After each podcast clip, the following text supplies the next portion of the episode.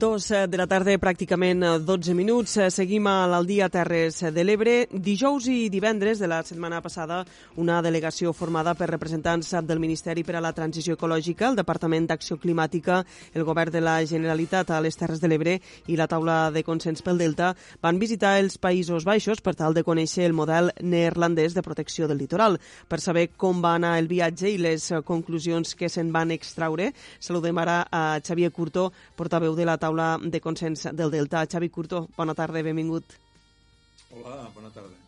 Una visita de, de dos dies per a conèixer este model neerlandès. Ara explicarem eh, totes les visites que, que heu fet, els diferents llocs on, on heu estat, però d'entrada torneu amb la sensació que este model neerlandès pot tindre un encaix perfectament, no?, al Delta de l'Ebre molt gran, un encaix al Delta de l'Ebre. Eh, sí, la veritat és que eh, venim jo diria que bastant satisfets perquè, eh, i, i la veritat és que il·lusionats, eh, perquè eh, tots el que esteu seguint aquesta problemàtica sabeu que des del principi la taula de consens va apostar per una manera de treballar i de veure el delta eh, primer que tot com un gran sistema natural i que per tant la seva protecció havia de partir de eh, maneres de fer eh, molt respectuoses i afavoridores d'este medi natural, que en definitiva és el que ens acaba protegint a tots. I eh, la veritat és que en aquest viatge eh, tot allò que teníem en esquemes i, i que tots han anat veient durant tots aquests anys eh, ho podies veure amb els teus propis ulls, no?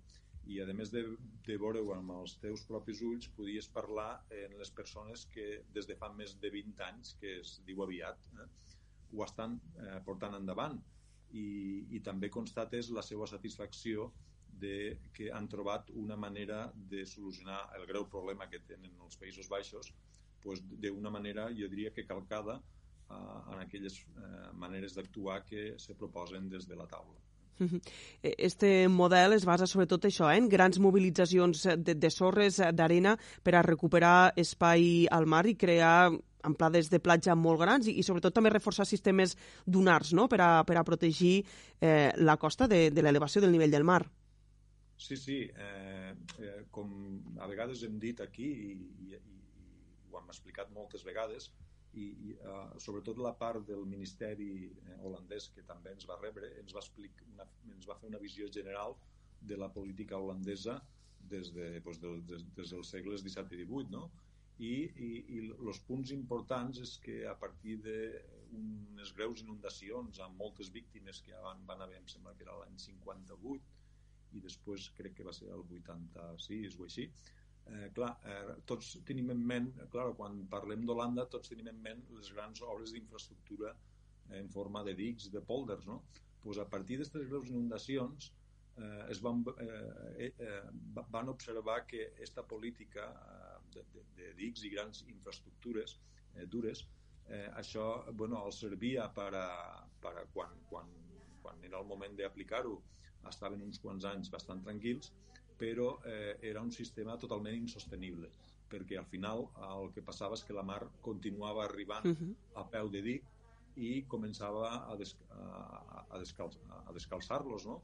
I això volia dir que havien de tornar a refer les estructures eh, totes aquestes estructures que són molt cares i a més contínuament anar repujant i la mar contínuament batent al límit d'aquests sistemes de dics no? i a partir de, dels anys 90 van canviar radicalment la política i van apostar per la renaturalització d'aquests fronts litorals. I la renaturalització eh, van veure que passava per eh, guanyar molta amplada de platja i fer uns sistemes dunars mm, molt complexos perquè no són senzills, no és tan senzill com ho pugues pintar en bolígrafo, sinó que tenen eh, la seva història. I eh, la veritat és que eh, no només eh, ho, ho, ho, tenen la concepció de que això resguarda eh, el seu present, un present que fa 20 anys, insistisco, que ho estan aplicant, sinó que veuen que és també la clau del seu futur davant del canvi climàtic i la elevació del nivell del mar. I, per tant, doncs, bueno, eh, vam veure que sabeu perfectament que una, un dels eixos, un dels eixos, perquè n'hi ha més, de la concepció que nosaltres no tenim d'actual Delta de l'Ebre doncs passa precisament per aquest tipus d'actuacions. Aquestes actuacions de mobilització de sorres, crec que heu vist dos exemples, no? Un és bueno, el nom d'una duna impronunciable, i ara no, no ho sé dir, sí. a prop de, de Peten, i, i també este Sand Motor, no? Esta, este motor de, de, de producció d'arena, són dos exemples de com es poden fer grans mobilitzacions de, de sorra i aprofitar la natura o el mar, no? el moviment del mar, per, per tal de, de, de regenerar la costa. Sí, eh, pues, com, com us dia, com que esta, eh, este país porta 20 anys d'experiència en esta tecnologia, el primer que vam visitar va ser, diguéssim, el que als anys 90 van començar a fer, i, i un exemple era uh, això que es diu algo semblant a Hansbuch-Dunen, eh, algo així. Eh? Són molts de quilòmetres, molts, molts, molts de quilòmetres, en, amb aquest sistema eh, que van dissenyar per primera vegada de duna rere duna i ample de platja però, claro, eh, com que porten molts anys estudiant eh, com, com funciona i com evoluciona, eh, van voler fer la prova fa 11 anys, és a dir, que aquesta prova ja està testada i vam, uh -huh. el segon dia vam anar a mirar-ho, d'això que se'n diu el Motor, el, el motor de sorra. I la idea era, bueno, eh, sabem que això és el que necessitem, sabem que això és eficaç, però anem a intentar reduir costos. Anem a intentar reduir costos. I llavors van dissenyar el, el motor de sorra que, eh, així de manera molt simple, imaginem que en vez d'anar repartint la sorra per tot el litoral, el que fan és un gran abocament massiu de sorra en un lloc determinat, en una, eh, en una estructura i figura eh, feta expressament. Per què? Perquè ells, com aquí ho sabem bastant, eh, saben perfectament quines corrents són les majoritàries en aquella zona, tant longitudinals com transversals, saben també el comportament dels vents i el que esperaven era veure eh, l'evolució natural d'un abocament massiu de sorra. I han estat 11 anys fent un seguiment exhaustiu amb unes torres de control eh, molt extraordinàries i, i estan sempre a peu, a peu de platja, diguéssim, i, uh, i, i bueno, uh, han vist que efectivament el que ells uh, ex, uh, ho havien llançat com una hipòtesi els ha funcionat és a dir, ha sigut la pròpia natura que ha anat eh, extenent eh, aquest nucli inicial d'arena per, eh, jo diria que centen, algun centenar de quilòmetres i per tant ara se ton, eh, es troben que, que eh, una, eh, gràcies a l'ajut de la natura eh, han fet una bona, una millor inversió no? de, de, dels recursos no? i perquè ha sigut la pròpia natura que ha ajudat a, a repartir i enfortir aquestes zones litorals. Vosaltres creieu que aquestes mesures són extrapolables a, al Delta de l'Ebre? Estem parlant, però, que en el cas neerlandès estem parlant de mobilitzacions de sorra molt importants, crec que de 30 milions cúbics d'arena en alguns casos. Aquí el Delta, hasta ara, la mobilització de sorres més gran que s'ha plantejat és d'un milió i mig de, de metres cúbics. Eh, veieu això, extrapolable d'on se traurien aquestes sorres en el cas que s'hagués de fer al Delta de l'Ebre? Sí, eh, bueno, per, primer, eh, claro, eh, en aquestes intenses converses i intenses -huh. jornades, perquè excepte l'hora de dormir estaves tot el dia treballant i, i, i menjant també treba, i treballant amb, amb aquestes persones d'Holanda.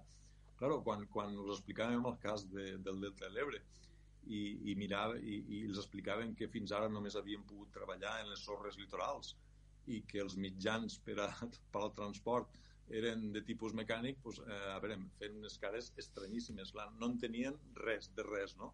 Perquè dient bueno, que això era ineficaç, que això era molt car i que no entenien com no apliquéssim doncs, lo, lo dragatge marí, no?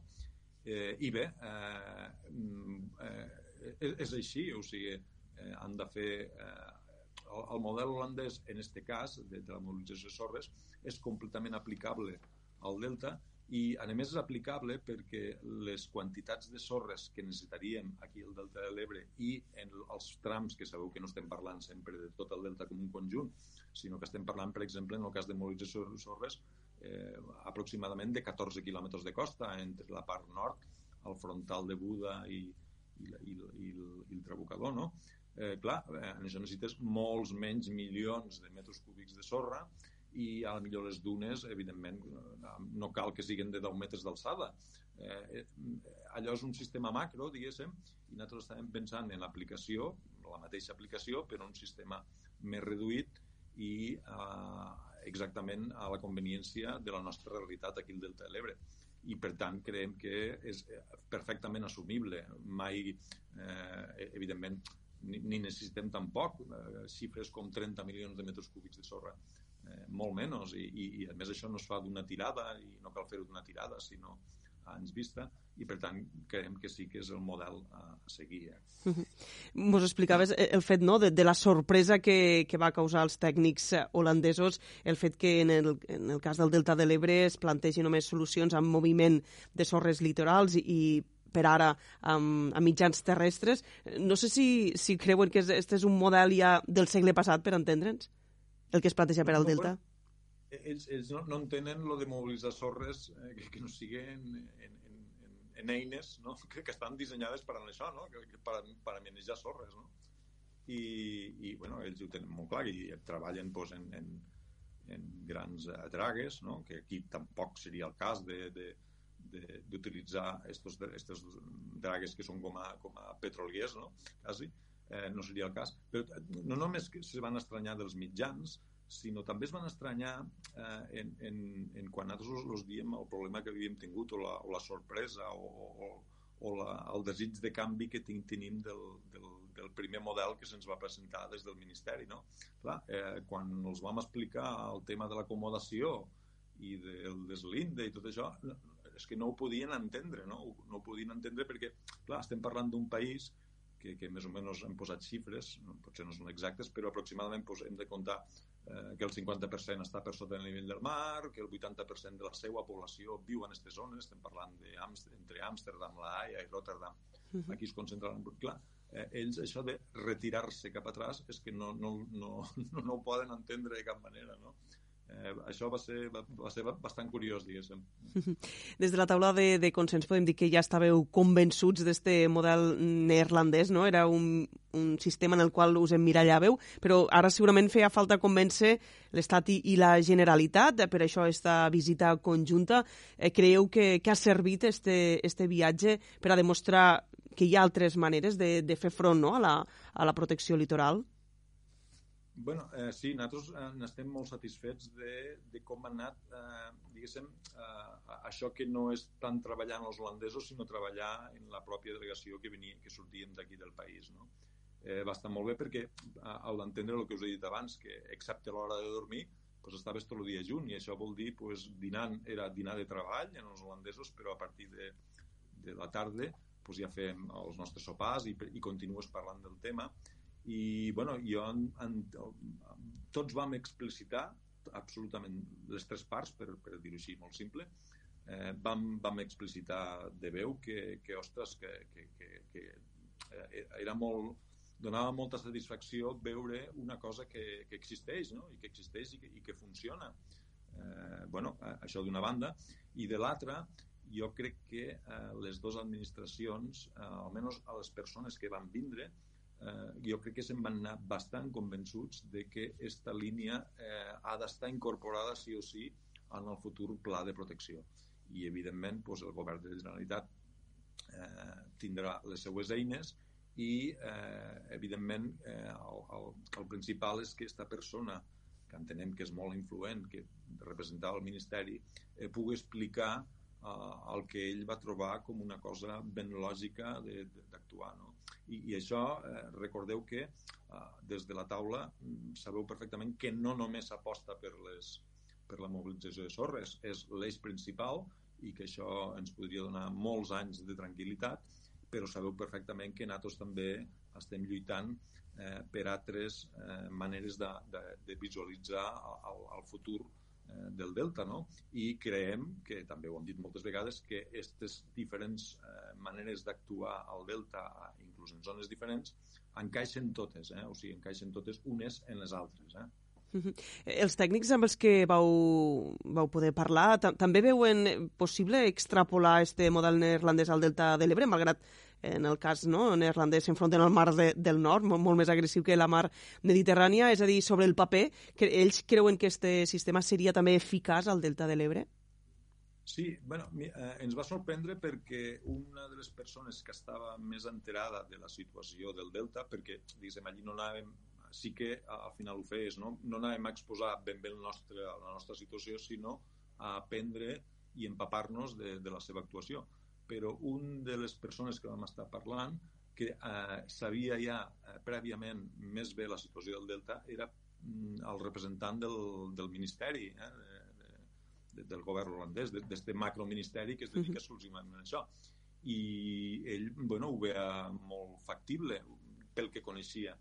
I, i després, bueno, com que eh, en el cas de, de Deltares eh, allò és un nucli d'investigació molt potent, eh, allí també hi havia persones que estaven mirant pues, des de, que també van fer la seva exposició des d'actuacions al delta del Mekong o problemes de, sobretot se centrava en salinització.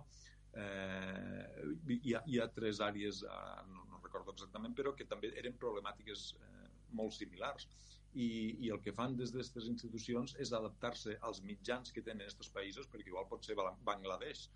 I a la millor a Bangladesh no poden permetre's un dragatge, però sí que es poden eh, permetre un sistema de, eh, de, de, de, de captura la sorra eh, i que no es desplace o mar endins i que, i que es pergue.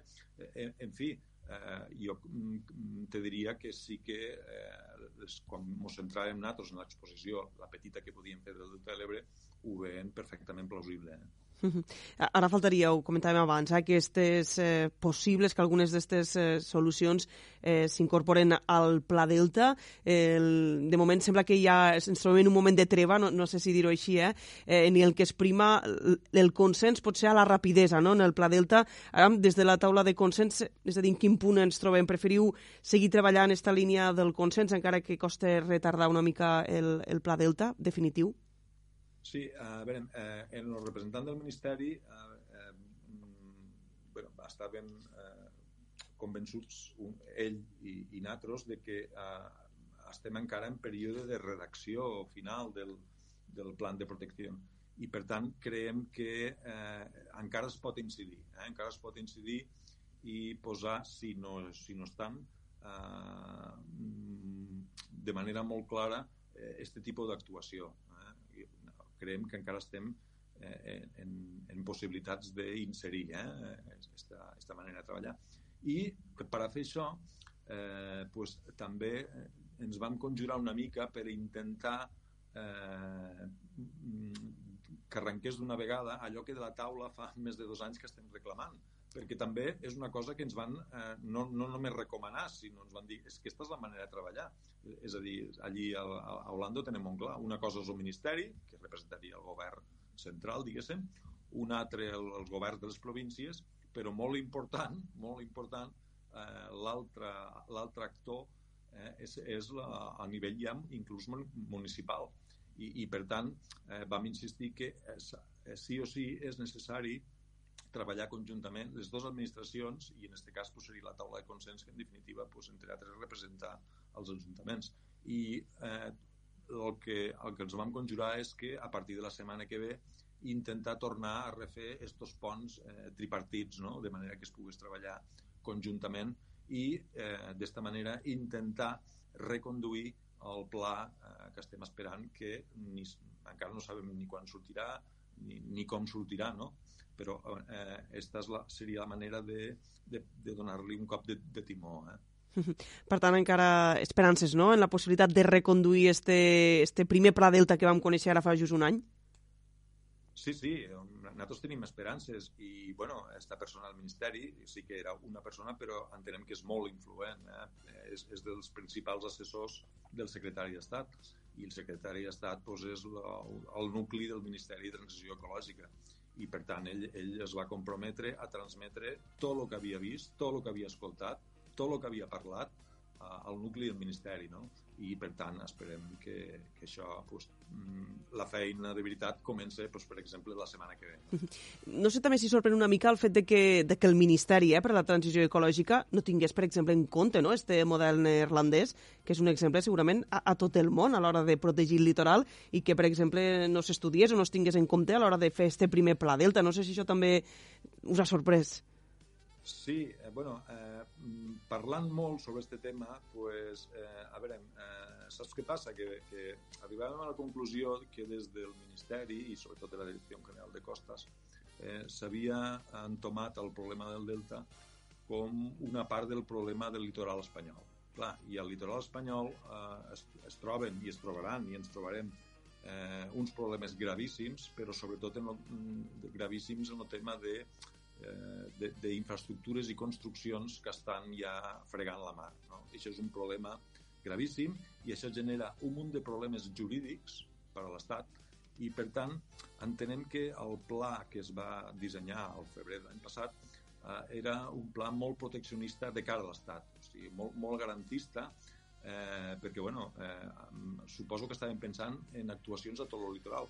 Eh, nosaltres sempre insistim, que això ho fem sempre, que quan estem parlant del litoral del Delta de l'Ebre, pues no estem parlant del litoral d'una platja turística, sinó que estem parlant del litoral que forma part ell mateix i el que ve detrás d'un sistema natural en, en una figura de protecció eh, altíssima, la màxima a nivell europeu, que és xarxa Natura 2000. I, per tant, això obliga els estats a actuar en la preservació d'aquests espais. I, I entenem que, en el cas del Delta de l'Ebre, eh, igual que els tocarà fer en Doñana o l'Albufera, hauran de fer unes polítiques litorals diferents a la resta del litoral. I potser el problema d'aquell eh, principi de, de pla, o, o com ells el, li van voler dir, eh, eh, pues, eh, fallava en aquesta concepció. Eh? I, per tant, nosaltres insistirem també en aquesta línia, que la, quan estem parlant del Delta de l'Ebre, pues no estem parlant de no sé quants de quilòmetres de platja turística, eh? estem parlant d'una altra cosa. pues aviam si este viatge serveix de, de punt d'inflexió. Li agraïm moltíssim a Xavi Curto, portaveu de la taula de consens del Delta, que, que hagi estat avui al nostre programa i fer balanç d'esta visita als Països Baixos, realitzada la setmana passada per a conèixer este model neerlandès de protecció de la costa. Xavi Curto, moltíssimes gràcies. Moltes gràcies a vosaltres.